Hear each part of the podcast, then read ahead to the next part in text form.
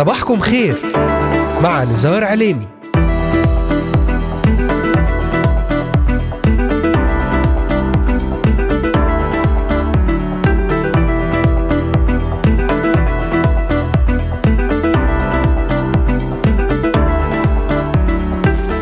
الخامس عشر من شهر آب أغسطس للعام 2023 المستمعات والمستمعون صباح الخير. أهلا بكم في يوم جديد ضمن الموسم الثاني من برنامج صباحكم خير. معكم على الهواء مباشرة نزار عليمي. أهلا وسهلا بكم في إذاعتكم صوت الأمل. أرحب بمستمعينا من الأراضي المقدسة ومن بلدان الشرق الأوسط وشمال أفريقيا مستمعينا من سوريا لبنان مصر تركيا الأردن والعراق ليبيا اليمن السعودية والكويت مستمعينا من أستراليا أمريكا ألمانيا كندا والسويد والذين يتواصلون معنا ويتابعوننا على مختلف منصاتنا الاجتماعية لإذاعة صوت الأمل. أذكركم أنكم تستطيعون الاستماع إلينا ومتابعتنا من خلال تطبيق إذاعة صوت الأمل على هواتفكم النقالة بعنوان Voice of Hope Middle East أو عن طريق مشاركتنا في قناتنا على اليوتيوب بالبحث عن إذاعة صوت الأمل في بث حي ومباشر. وأيضا من خلال تحميل تطبيق آي تيون والبحث عن Voice of Hope Middle East وزيارة موقعنا الرسمي voiceofhope.com تابعونا على مدار هذه الساعة الصباحية ولأي سؤال أو استفسار تواصلوا معنا الآن. وللتنويه تستطيعون الاستماع والعودة إلى جميع حلقات برنامج صباحكم خير وذلك من خلال متابعتنا على محرك البحث إذاعة صوت الأمل في كل من تطبيقات أنغامي Spotify Deezer Amazon Music Apple Podcasts و Pocket Casts Podbean بودكاست وستجدون جميع هذه الحلقات وغيرها من البرامج الخاصة لإذاعة صوت الأمل على هذه المنصات الاجتماعية المختلفة. وأذكركم أيضا أن هذه الحلقة تعاد في تمام الساعة الثانية ظهرا بتوقيت القدس أهلا وسهلا بكم في إذاعتكم صوت الأمل من هنا من الأراضي المقدسة.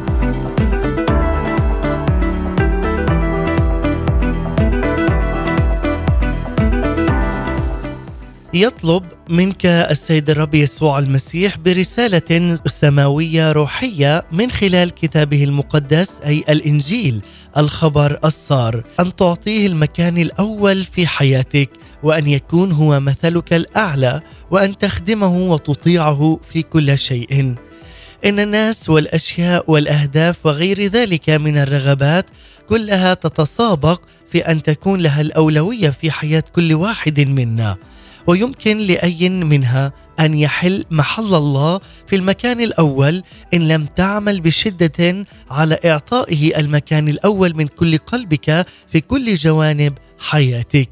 ومن أجل الإبقاء على شركة متينة مع السيد الرب يسوع المسيح تتصف بالتعلم منه وبالطاعة عليه عليك أن تخضع لكلمته ولإرشاده لحياتك وبعلاقة يومية تكون معه وحقيقية. لذلك فإن الأولوية الأولى والفرح الأكبر هو أن تمضي وقتا ثمينا عند أقدام السيد الرب يسوع المسيح وتنتظر منه المسحه المقدسه والتعليم النبوي والإرشاد الإلهي الروحي. لذلك إننا مدعوون أن نختار النصيب الصالح واختيار الشركة مع الرب يسوع المسيح. قد نصاب أيضا في بعض الأحيان ببعض المشاكل في حياتنا الروحية ولكن انظروا إلى ماذا يعدنا السيد الرب. إذا اخترت النصيب الصالح فإنه لن ينتزع منك ابدا.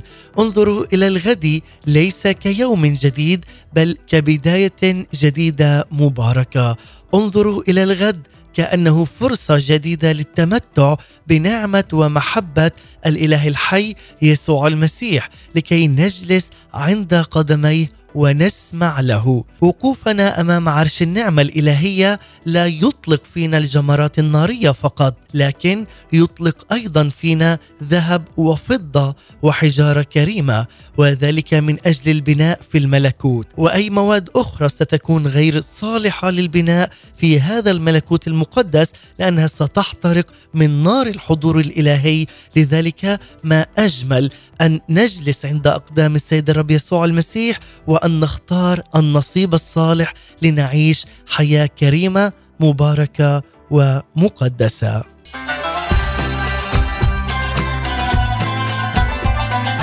وبعد هذه المقدمة لكم أحباء المستمعين والمتابعين نتحدث اليوم بموضوع جديد حول مريم من بيت عنيا واختيارها للنصيب الصالح والشركة مع الرب يسوع المسيح.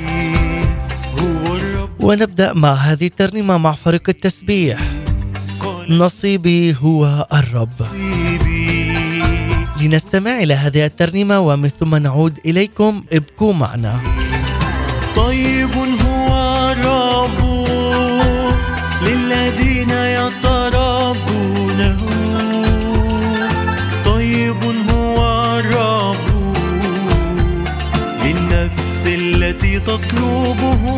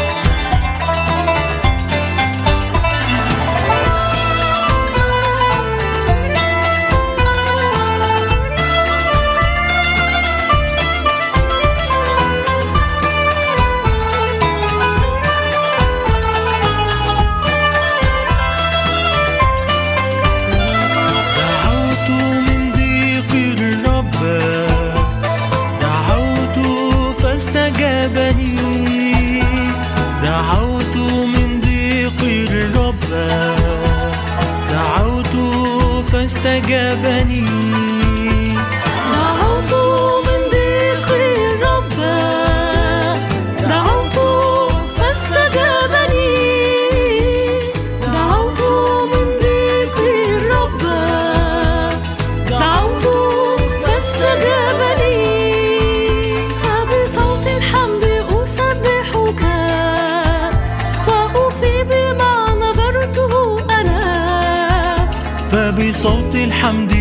أسبحك وأوفي بما نظرته.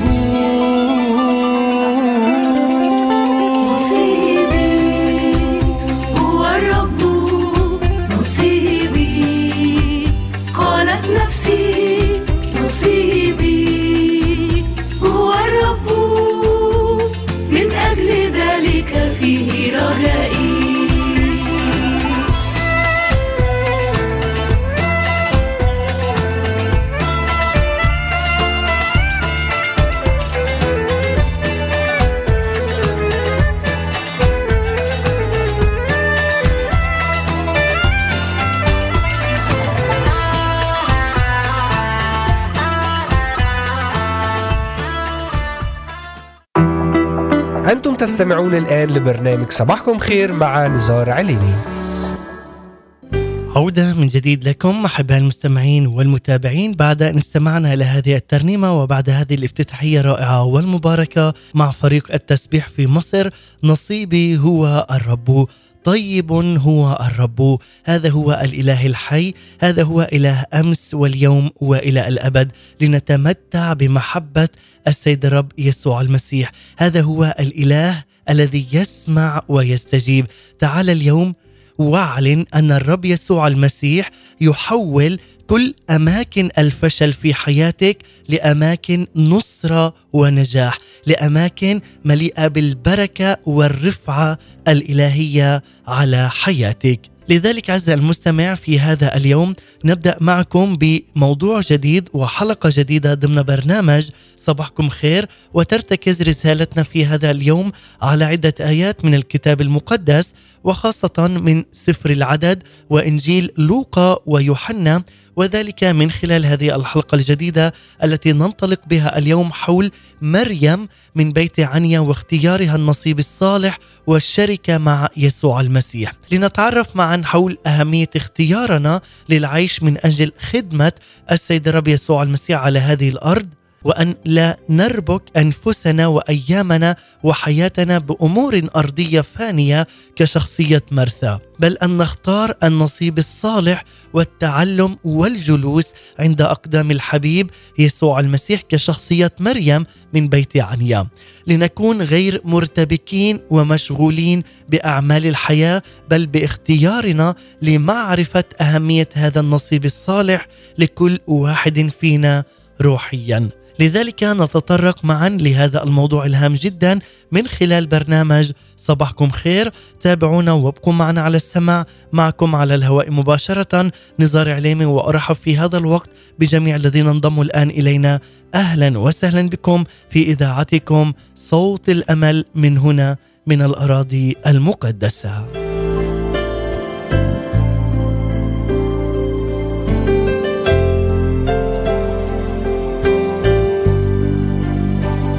بداية دعونا نقرأ من إنجيل يوحنا الإصحاح الحادي عشر من العدد الأول حتى العدد الخامس. يقول وكان إنسان مريضا وهو لعازر من بيت عنيا من قرية مريم ومرثى أختها.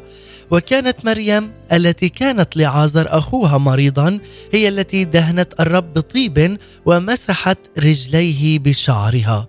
فأرسلت الأختان إليه قائلتين يا سيد هو ذا الذي تحبه مريض. فلما سمع يسوع قال هذا المرض ليس للموت بل لأجل مجد الله ليتمجد ابن الله به. وكان يسوع يحب مرثا وأختها ولعازر. نعم ما أجمل هذه الكلمات. هذا المرض ليس للموت بل لأجل مجد الله لكي يتمجد ابن الله يسوع المسيح الحي من خلال هذا المرض في لعازر. لذلك عندما نقرأ هذه الكلمات الرائعة علينا أن نؤمن بها نؤمن بقوتها وبفاعلية سلطانها على حياتنا. نعلن انه فعلا ما أجمل تعاملات الله معنا. إذا تتبعنا هذه الكلمات ونراها كخيوط جميلة في حياتنا. هو يجعل أيضا من اختبارات الحياة الصعبة والقاسية قصة رائعة ومباركة. لنتأمل معا في هذا الوقت في قصة لعازر الذي كان يقطن في بلدة اسمها بيت عنيا وهي التي معناها بيت الفقر أو بيت المشقة واسم لعازر يعني المساعد. لقد كان بيت وأهل لعازر يجتازون الحزن والمشقة ولكن السيد الرب أحب هذا البيت كثيرا وكان معينا لهم. في بداية الإصحاح هنا كما قرأنا نرى الرب ينسب هذه القرية للمتضعين. للذين يحبونه من كل القلب وللذين يكرمون اسمه ويفتخرون به. هذا البيت أيضا كان بيتا مكرسا للرب لأنه يقول أن بيت الإخوة الأحباء لعازر مريم ومرثا اللذين كانوا يخدمون يسوع وأيضا يريحوه فأحبوه. لذلك ما أجمل أن نقدم ليسوع أغلى ما عندنا وأن لا نبخل عليه بأي شيء كما فعلت مريم. فهذا من أهم أسس أيضا الإيمان الحقيقي. أن نعطي للسيد الرب يسوع المسيح كل ما لدينا أن نخضع له بالكامل. لذلك تقول لنا هنا في هذه الآيات التي قرأناها أن الأختان مريم ومرثا أرسلتا وراء السيد قائلتين يا سيد هو ذا الذي تحبه مريض. ملخص أحبائي هذه الرسالة هو الذي تحبه أي إنها أروع رسالة أروع طلبة وأروع صلاة. لم يقلنا تلميذك أو الذي يحبك بل قلنا الذي تحبه لأنه هو الذي أحبنا وهو كذلك كما أحب لعازر هو أيضا يحبك محبة أبدية.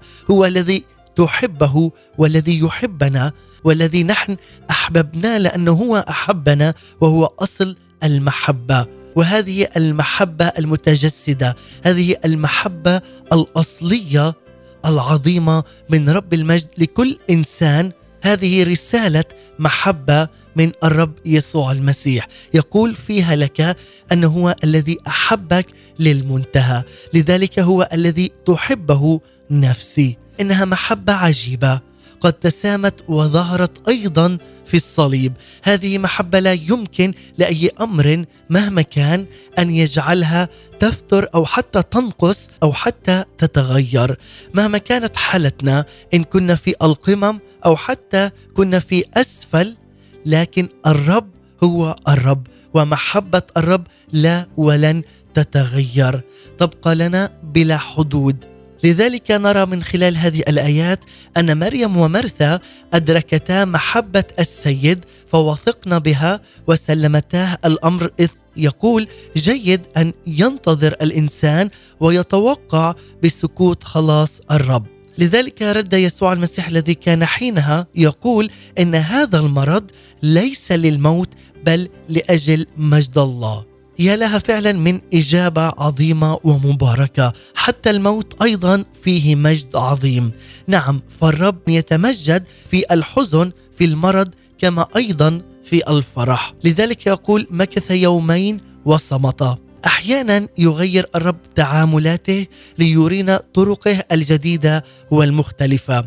يدخلنا في تعاملات عكسية قد تبدو لأول وهلة بغير ما اعتدنا عليه. لربما نتساءل أليس هذا البيت الذي أكرم الرب واستقبله؟ بالحقيقة قد يسمح الرب أحيانا لأحبائه أيضا أن يجتازوا في ضيقات من أجل تشكيلهم واختبار معزته لهم بعمق جديد. عليك أن تعرف وأن تتعلم أن السيد الرب يسوع المسيح هو الذي أحبك محبة أبدية، لذلك عز المستمع عليك أن تعلن أن الرب يسوع المسيح هو الذي يحول كل أماكن الفشل، كل أماكن الحزن إلى أماكن نصره ونجاح، إلى أماكن مليئة بالفرح والنصره الإلهية بالمسحة الرسولية النبوية على حياتك، لذلك عندما تؤمن يكون لك عز المستمع. هذه نعمة الرب التي تغيرنا من ضيقتنا ومن أحزاننا إلى بركة رفعة ونصرة عندما نتعلق بالسيد الرب يسوع المسيح. لذلك عزيزي المستمع لقد أتى هنا الرب يسوع المسيح لكي يعطي حياة، لكي يعطي بركة، لكي يعطي مجد جديد على هذا البيت واعلن أن بيتك يأتي عليه المجد الإلهي يأتي عليه الفرح الإلهي يأتي عليه المسحة الرسولية النبوية على حياتك. نرى هنا من خلال أيضا هذه الآيات أنه الرب يسوع المسيح لقد كان يمكث ويجد راحته في هذا البيت ولكنه الآن ينتظر مشيئة الآب السماوي ليحركه وهذا فعلا ما يريده الرب منا أيضا أن لا نتحرك بعواطفنا الجسدية حتى أيضا مع أعز الناس لدينا. كما تعامل الآب معنا يجب أيضا أن نتعامل مع الآخرين بكل محبة وإرشاد. أن نهدأ نمتلئ بروح الله القدوس حتى نواجه أيضا الآخرين ونواجه الظروف التي نجتاز بها. لقد أتى السيد الرب يسوع المسيح في الموعد المحدد بعد أربعة أيام جاء وهم في حزن شديد وشعور بخيبة أمل ولكن كل هذا كان حتى يتمجد اسم الرب يسوع المسيح وحده وتكون معجزة متميزة جدا في هذا الوقت لقد كان عمل عظيم جدا. أقام شخص من الموت بعد أربعة أيام حيث كان قد أنتن. لقد كانت أفكار الناس محدودة وأنه قد فات الأوان ومات لعازر. لكنه السيد الرب يسوع المسيح هو الذي جاء لكي يغير الأوقات والأزمنة. اعلن أن هذا الزمن هو زمن ملك الرب يسوع المسيح. هذا زمن جديد يأتي على أراضينا يأتي على بيوتنا يأتي على كنائسنا. زمن لتغيير جديد ومجد جديد. تعال اليوم واعلن وأمر بالبركة على حياتك على نفسك على روحك على جسدك على بيتك على أولادك. تعال اليوم واعلن قوة قوة من الأعالي. تعال واعلن مسحة جديدة بركة جديدة حياة نسمة حياة من إله الحياة الذي ينفخ فينا نسمة حياة. تعال اليوم واعلن أن كل شيء مستطاع لك لأنك تؤمن باسم رب المجد يسوع المسيح. تعال اليوم واعلن لأنه إن آمنت ترى مجد الله ومجد الله علينا يرى. تعال اليوم واعلن بركة قوة جديدة. أن هذا الزمن زمن للانتصار زمن للقوة زمن أيضا لإقامة أشخاص جدد زمن لإقامة أناس يباركون السيد الرب ليلا ونهارا. أفكار جديدة ذهن جديد حياة جديدة. ألم يقل أيضا هنا من خلال هذه الآيات لمرثا إن آمنت ترين مجد الله. واليوم يقول لك نفس الرسالة. إن آمنت سترى مجد الله. إن آمنت سترى بركة الله على حياتك. إن آمنت سترى شفاء ومعجزات الله في حياتك وفي عائلتك عز المستمع. لأن كل شيء مستطاع للمؤمن. وذلك من خلال الرب القادر أن يفعل فوق كل شيء أكثر جدا مما نطلب. أو حتى نفتكر بحسب القوة التي تعمل فينا وهي قوة الروح القدس. هو إله غير محدود. لقد أظهر عظمته وقدرته عندما صرخ بصوت عظيم قائلا لعازر هلم خارجا. وهو يقول لك الآن باسمك هلم خارجا من موضعك ومن وضعك أيضا. تعال اليوم واعلن انك انت بالمسيح خليقة جديدة بالمسيح لك قوة وسلطان. هنا قام الميت قام لعازر وخرج يمشي وهو ملفوف بالأكفان أمام الناس وتمت المعجزة. هنالك وقت وزمن للسيد الرب يسوع المسيح. أنا وأنت لا نعرفه لكل واحد فينا لكن في وقته يسرع. هو الذي أتى لكي يقيمنا من مزبلة هذا العالم لكي يجلسنا مع أشراف شعبه لنسبح ونبارك اسم الله القدوس. هذا هو الإله المحب. هذا هو الرب المحب الذي لا يريد أن يهملنا لكنه يريد أن يتعامل معنا بنعمة فائقة لكي يدرب حواسنا يدرب إيماننا حتى يصبح لدينا إيمان ثابت لا يتزعزع حتى وسط الصعوبات لا يتزعزع ومن ثم يمنحنا البركة. أيضا هو الذي يعطي لك حياة ونصرة. يأتي ليعطيك البركة عندما تشعر أيضا أن قوتك قد انتهت.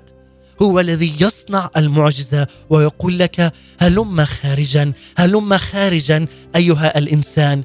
تعال ليعمل بك امرا جديدا. الآيات والعجائب التي صنعها معي الله العلي هو أيضا حسن عندي أن أخبر بها. آياته ما أعظمها وعجائبه ما أقواها. ملكوته ملكوت أبدي وسلطانه من دور فدور. لذلك علينا أن نردد ونقول نعم نحن نستطيع لأنه هو الإله الحي. هو الذي أقامنا ويقيمنا معه في كل يوم. يعطي لنا حياة ورفعة جديدة. انهض عز المستمع. تعال واعلن البركة والحماية الإلهية الشفاء الكامل لنفسك وروحك وجسدك. واعلن أن هذا الزمن زمن للنصرة. بدأ زمن العجائب. زمن البركة والرفعة الإلهية. على كل حياة أي شخص يعلن اسم يسوع المسيح وسلطان رب المجد يسوع له كل المجد. احباء المستمعين سنكمل معا حول هذا الموضوع ولكن بعد أن نستمع معا إلى هذه الترنيمة مع جانا إسحاق ترنيمة بقدم نفسي ذبيحة حية. تعال اليوم وقدم كل ما عندك للسيد الرب يسوع المسيح. نفسك روحك جسدك حواسك فكرك قلبك. تعال واعلن نار الروح القدس على حياتك.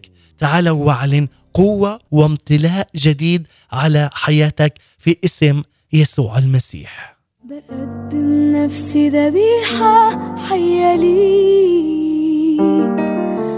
مقدسة ومرضية أمامك.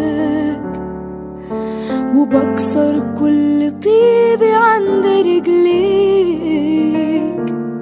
ما بقاش في حياتي غالي قدامك. بقدم نفسي ذبيحة حية ليك. مقدسة ومرضية أمامك. وبكسر كل طيبي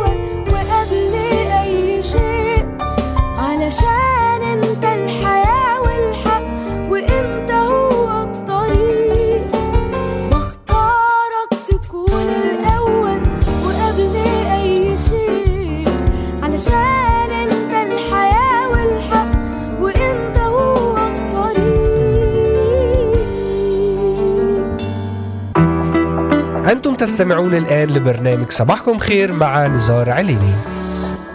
عودة من جديد لكم أحباء المستمعين والمتابعين بعد أن استمعنا إلى هذه الترنيمة الرائعة جدا مع المرنمة جانا إسحاق وترنيمة بقدم نفسي ذبيحة حية. ونعم بهذه الكلمات التي نقولها من خلال هذه الترنيمة. بكسر كل طيبي عند رجليك. ما بقاش في حياتي غالي قدامك. بختارك تكون الأول وقبل أي شيء علشان أنت الحياة والحق وأنت هو الطريق. نعم يسوع المسيح هو الطريق والحق والحياة. ونحن أحباء المستمعين والمتابعين نتحدث اليوم في هذه الرسالة حول مريم من بيت عنيا واختيارها النصيب الصالح والشركة مع الرب يسوع المسيح.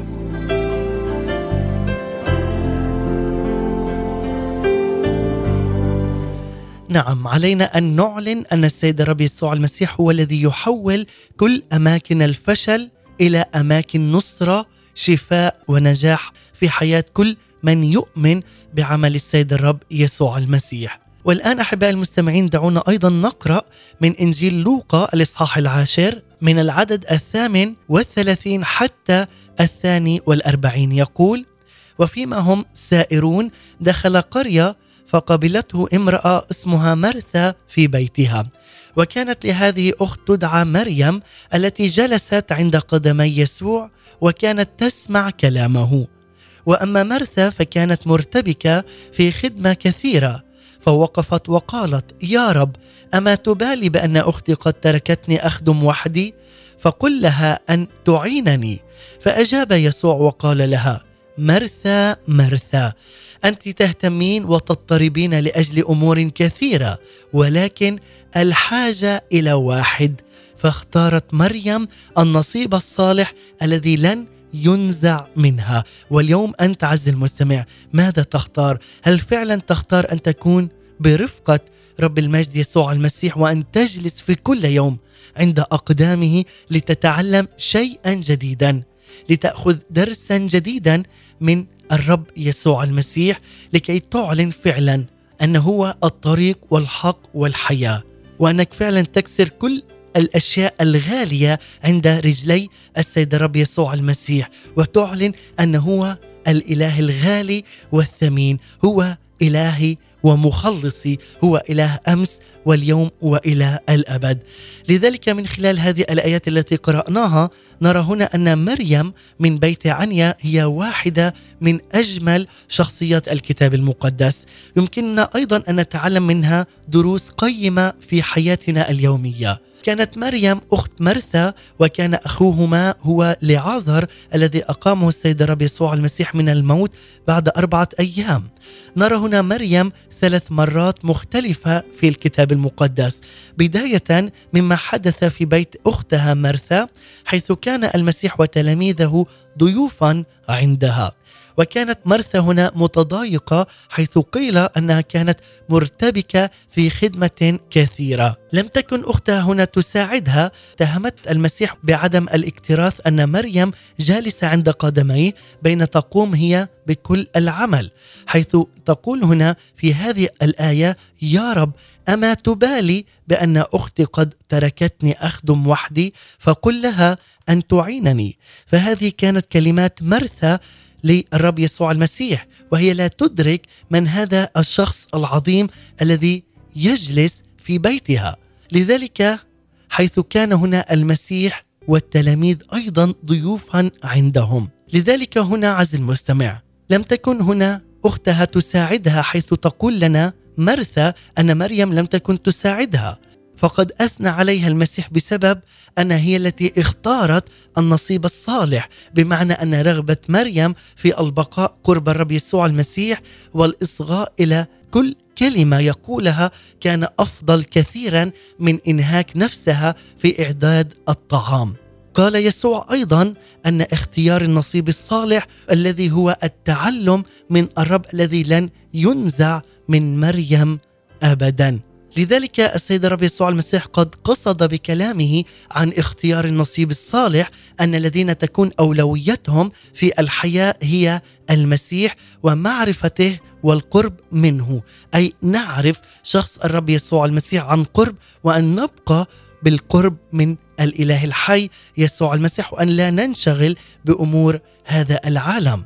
لذلك قد اختاروا أيضا ما سيبقى طوال الأبدية ذهبا وفضة حجارة كريمة. هي المشار اليها هنا أيضا في كورنثوس الأولى. لذلك نتعلم من هذا الموقف أن الذين ينشغلون بالأمور اليومية الأرضية الفانية يكونون كل البعد عن المسيح. لذلك هم لا يبنون على أساس متين وهو على الرب الحي يسوع المسيح بل يبنون على أمور فانية. لذلك هذا المستمع يعطينا هنا أيضا كلمات من خلال كلمات مرثا للمسيح لمحة عن قلبها وعن فكرها إذ كانت تحاول أن تجعل كل شيء كما يجب أن يكون وانشغلت لدرجة أن غاب عن ذهنها هوية من تحدثه. لذلك صمت مريم والذي سوف أيضا نراه هنا مرة أخرى في موقف آخر يشير إلى عدم اهتمامها بنفسها أو حتى بصورة خاصة بالدفاع عن نفسها عندما قالت أختها مرثا أنها لا تساعدها. عندها هنا يكون لمريم التركيز الكبير على المسيح وعلى قوة وسلطان المسيح. وكذلك أيضا عندما يكون تركيزنا نحن على المسيح يصبح هو شغفنا الأعظم ويضمحل انشغالنا بذواتنا وبهذا العالم يتلاشى. لذلك عزيزي المستمع عليك أن تعلن أنك تأتي وتخدم السيد الرب يسوع المسيح من كل قلبك وأن تبقى عند قدمي الرب يسوع المسيح وأن لا تنشغل بأمور هذا العالم. لذلك نرى أيضا مريم في قناعة راسخة أنها فعلا لها الثقة الكاملة في سيدها وربها إلهها المخلص يسوع المسيح. أنها فعلا لا تشعر هنا بضرورة الدفاع عن نفسها. لماذا؟ لأنها أمام الإله الحي. كم من المرات احباء المستمعين نسارع لتبرير أنفسنا أمام الآخرين الذين ينتقدوننا أو حتى يسخرون منا خاصة بشأن إيماننا. ولكن إن كنا مثل مريم نجعل الجلوس عند قدمي الرب يسوع المسيح نكون بكل كامل حواسنا إلى السيد الرب يسوع المسيح سيكون لنا البركة والرفعة في حياتنا وأن لا نهتم وأن لا ننجر في كلام ومع كلام الناس السلبي. لأننا نخدم رب المجد يسوع المسيح. نخدم الإله الحي الذي هو يعطي الحياة. لذلك عز المستمع عليك أن تؤمن أنك أنت ابن وأنت ابنة مباركة. علينا أن نجلس في كل يوم عند أقدام السيد الرب يسوع المسيح. وهنا أيضا معلومة مهمة أن لا نقول نجلس تحت أقدام يسوع المسيح بل أن نقول نحن نجلس عند أقدام يسوع المسيح. لأن تحت أقدام يسوع المسيح هو إبليس الشيطان. تحت أقدامنا نحن أيضا ندوس إبليس وكل قوى العدو. لذلك نحن نجلس عند أقدام المسيح ولسنا نجلس تحت أقدام المسيح هذه أيضا عبارة علينا أن نصححها في صلواتنا وأيضا في تأملاتنا أن نقول أننا نجلس عند أقدام المسيح وفعلا هذا الإله الحي الذي أعطانا أن نكون أبناء وورثة حقيقيين في اسم يسوع المسيح له كل المجد.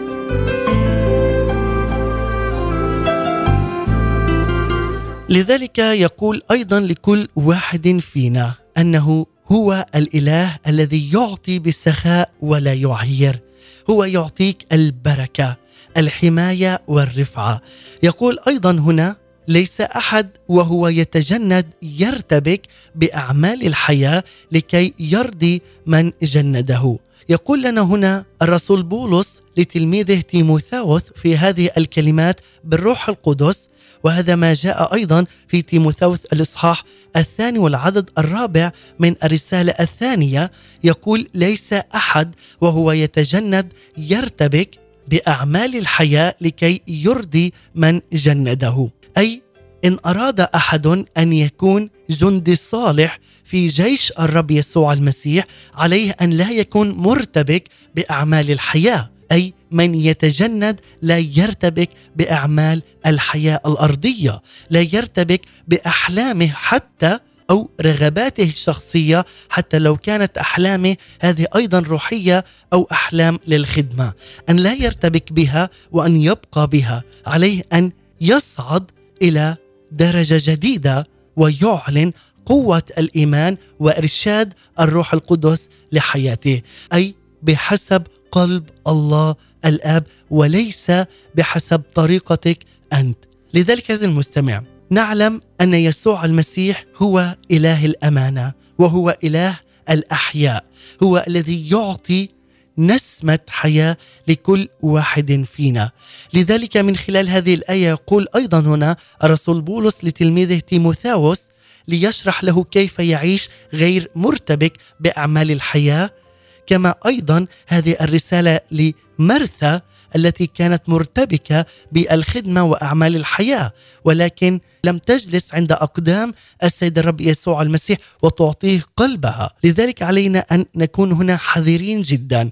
يقول أذكر يسوع المقام من الأموات ويقول له أيضا إنه إن كنا قد متنا معه فسنحيا أيضا معه. لذلك يقول لنا هنا بولس الرسول وينصح تلميذه تيموثاوس أن لا يرتبك بأعمال الحياة التي تلهيه عن خدمته في السيد الرب يسوع المسيح.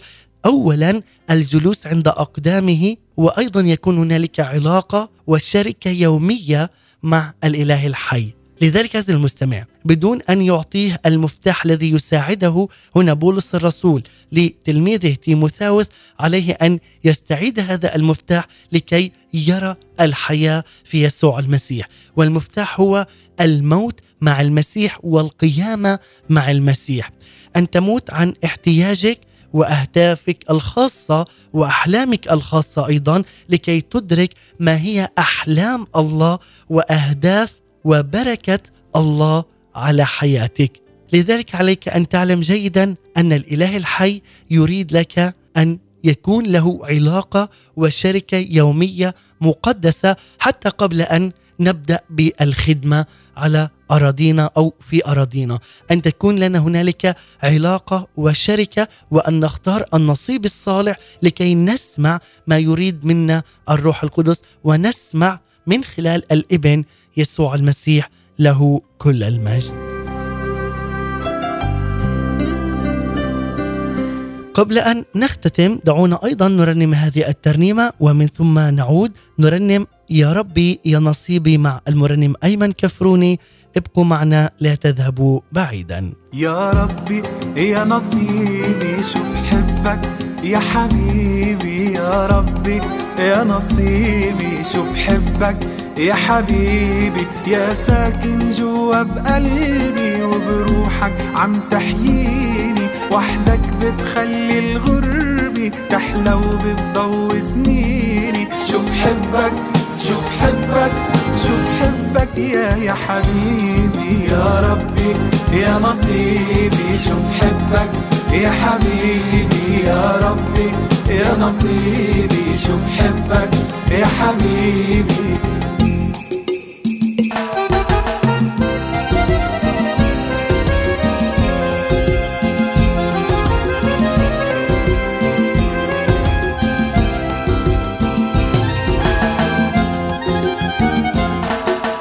اسمك أحلى وأعلى وأسمى من كل الأسامي ما بيغريني العالم مهما يتزين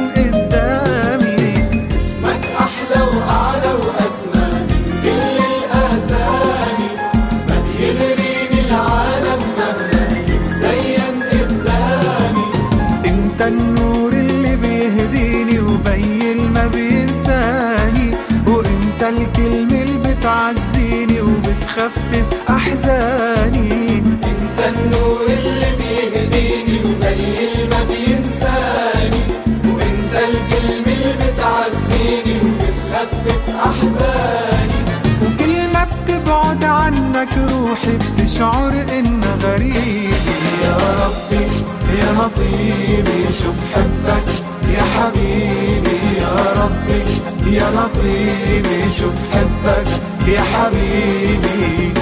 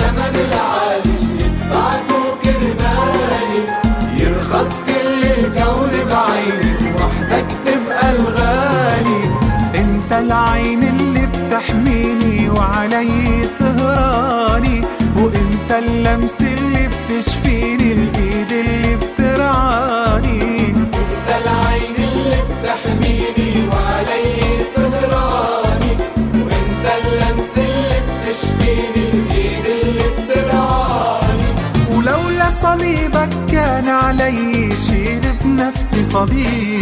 يا ربي يا نصيبي شو بحبك يا حبيبي.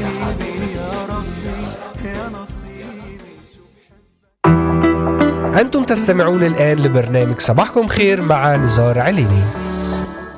عودة من جديد لكم أحباء المستمعين والمتابعين. بعد أن استمعنا لهذه الترنيمة مع المرنم أيمن كفروني ترنيمة يا ربي يا نصيبي شو بحبك يا حبيبي. وفعلا هو الذي نختاره حبيبا وإلها وأيضا هو الذي اختارنا وأحبنا قبل تأسيس هذا العالم. لذلك أحباء المستمعين والمتابعين نحن نتحدث في رسالتنا لهذا اليوم حول مريم من بيت عنيا واختيارها النصيب الصالح والشركة مع يسوع المسيح. في الرسالة إلى فيليبي الإصحاح الثالث والعدد الرابع عشر يقول الرسول بولس أسعى نحو الغرض لأجل جعالة دعوة الله العليا في المسيح يسوع. هنا بولس الرسول يدرك الهدف ويعرف كيف يسعى من نحوه بدون أي ارتباك بأعمال الحياة ولا يرتبك حتى بأمور الخدمة.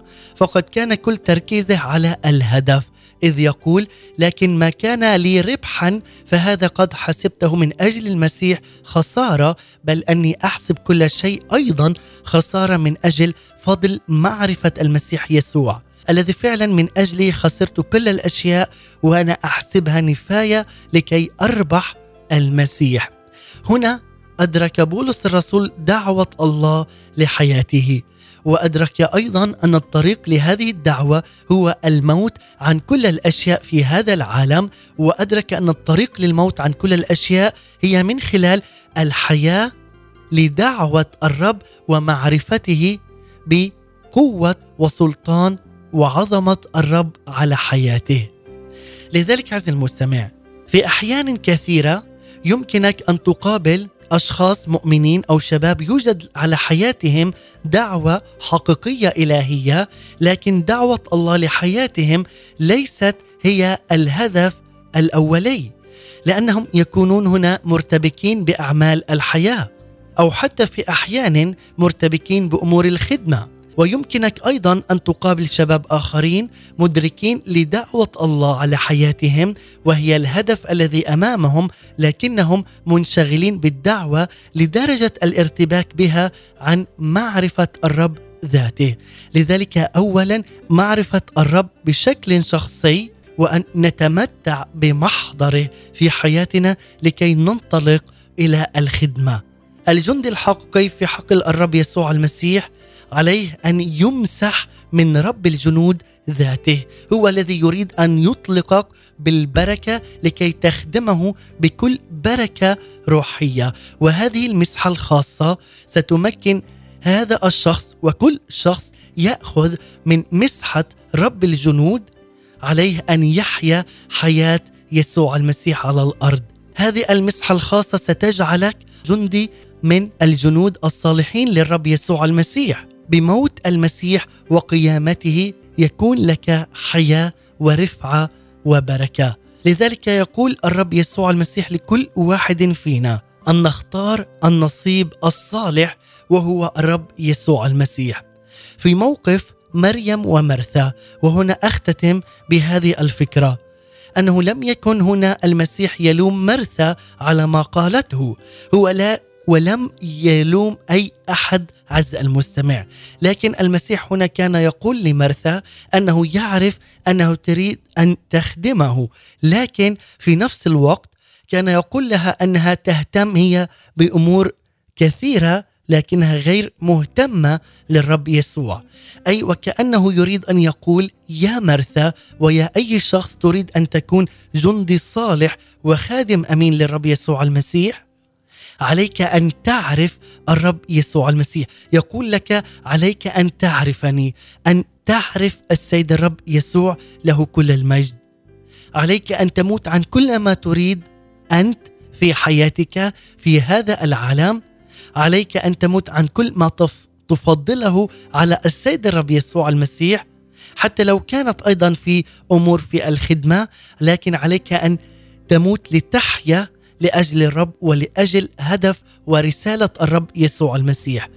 لذلك يقول الحق الحق أقول لكم إن لم تقع حبة الحنطة في الأرض وتمت فهي تبقى وحدها ولكن إن ماتت تأتي بثمر كثير. وهكذا أيضا كل جندي صالح للمسيح وكل خادم أمين وحتى كل راعي كنيسة للمسيح أن يموت عن ذاته لكي يحيا لأجل المسيح ويأتي بثمر كثير. لابد أن تمت حبة الحنطة عن رغباتها عن ميولها وعن أحلامها. لماذا؟ لكي تقوم وتأتي بثمر كثير. الموت هو الموت مع المسيح لأن هنالك حياة وهنالك قيامة مجيدة مع المسيح.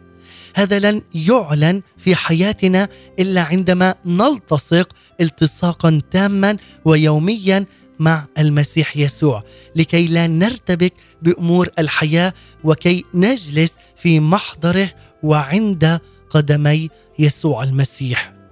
نعم يا رب نريد فعلا أن نكون جنود صالحين في جيشك في كرمك في حقلك في خدمتك نريد أن نكون جنود غير مرتبكين وغير مشغولين بأمور هذه الحياة. تكون أنت الأول والآخر. نريد أن تكون أنت لنا النصيب الصالح الذي لن ينتزع منا ابدا. نحن نحبك ونحب الجلوس معك في محضرك. نحب أحلامك وأهدافك. نريد أن نخدمك أنت وحدك وبطريقك أنت وبحسب قلبك ومشيئتك يا إلهي الصالح. امسحنا واستخدمنا بزيت المسحه الرسولية. امسحنا واستخدمنا لنكرز ونأتي بثمر عظيم جدا. لنأتي بثمر كثير يأتوا الجميع ليعلنوا مجد الإله الحي رب المجد يسوع المسيح ويعلنوا أنك أنت هو رب القيامه والحياة. أنت هو رب الحياة لكل من يلتجئ إليك ويعرف أنك أنت هو الطريق والحق والحياة. أنت هو الطريق الصحيح. وأنت بك الحياة بك القيامة المجيدة بك الرفعه والنصرة والحياة لكل من يؤمن بالشخص الله العظيم وهو يهوى القدوس الرب يسوع المسيح. وبهذه الكلمات نختتم وإياكم أحباء المستمعين والمتابعين إلى هنا هذه الحلقة الخاصة جدا حول مريم من بيت عنيا واختيارها النصيب الصالح والشركة مع يسوع المسيح. قبل أن ننطلق إلى الخدمة أن نجلس عند أقدام يسوع المسيح لنعرف ماذا يريد منا لكي يطلقنا هو بملء البركة والنعمة وبالمسحة الرسولية المباركة على حياة كل خادم وخادمة في حقل السيد الرب يسوع المسيح. والآن أحباء المستمعين والمتابعين كما عودناكم ننتقل الآن في هذا اليوم إلى الفقرة الثابتة والتي تبث لكم كل يوم ثلاثاء ضمن برنامج صباحكم خير وهي فقرة المزامير بصوت الأخت المباركة نداء من لبنان. ونأتي اليوم إلى المزمور الرابع والعشرون ومن ثم سنختتم وإياكم بترنيمة جدا رائعة ومباركة. لنعلن أيضا كلمات السيد الرب يسوع المسيح حماية إلهية رفعة روحية على حياة كل واحد فينا. لنستمع إلى الأخت نداء من لبنان إلى قراءة هذا المزمور الرابع والعشرون. المزمور الرابع والعشرون. للرب الأرض وما عليها الدنيا والمقيمون بها على البحار أسسها وعلى المياه ثبت أركانها. من يصعد إلى جبل الرب ويقف في مقامه المقدس هو النقي اليدين الطاهر القلب الذي لا يميل إلى السوء ولا يحلف يمينا كاذبا. ينال بركة من عند الرب وعدلا من الله مخلصه. هكذا يكون من يطلب الرب من يلتمس وجهك يا إله يعقوب. ارفعي رؤوسك أيتها الأبواب وارتفعي أيتها المداخل الأبدية فيدخل ملك المجد. من هذا ملك المجد؟ هو الرب العزيز الجبار. الرب الجبار في القتال. ارفعي رؤوسك أيتها الأبواب وارتفعي أيتها المداخل الأبدية فيدخل ملك المجد. من هذا ملك المجد؟ الرب القدير هو ملك المجد.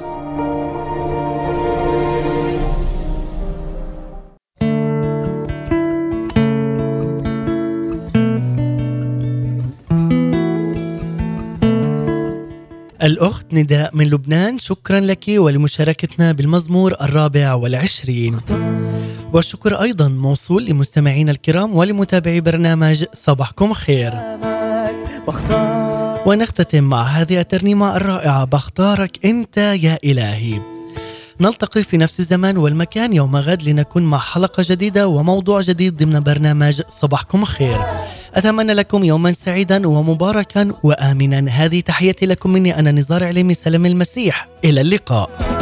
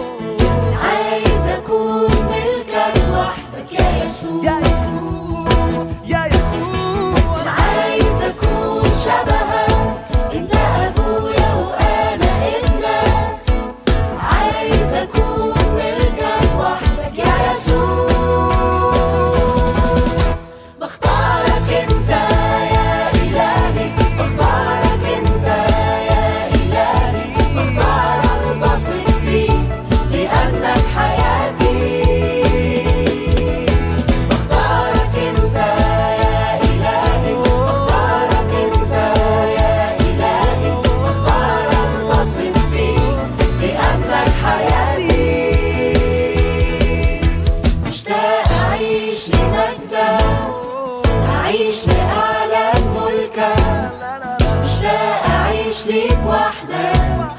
يا يسوع.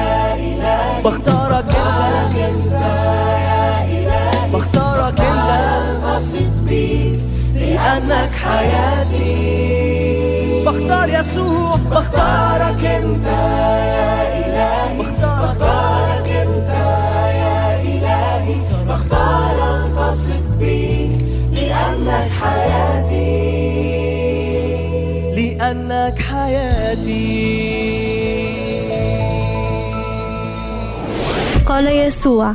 أنا الكرمة وأنتم الأغصان.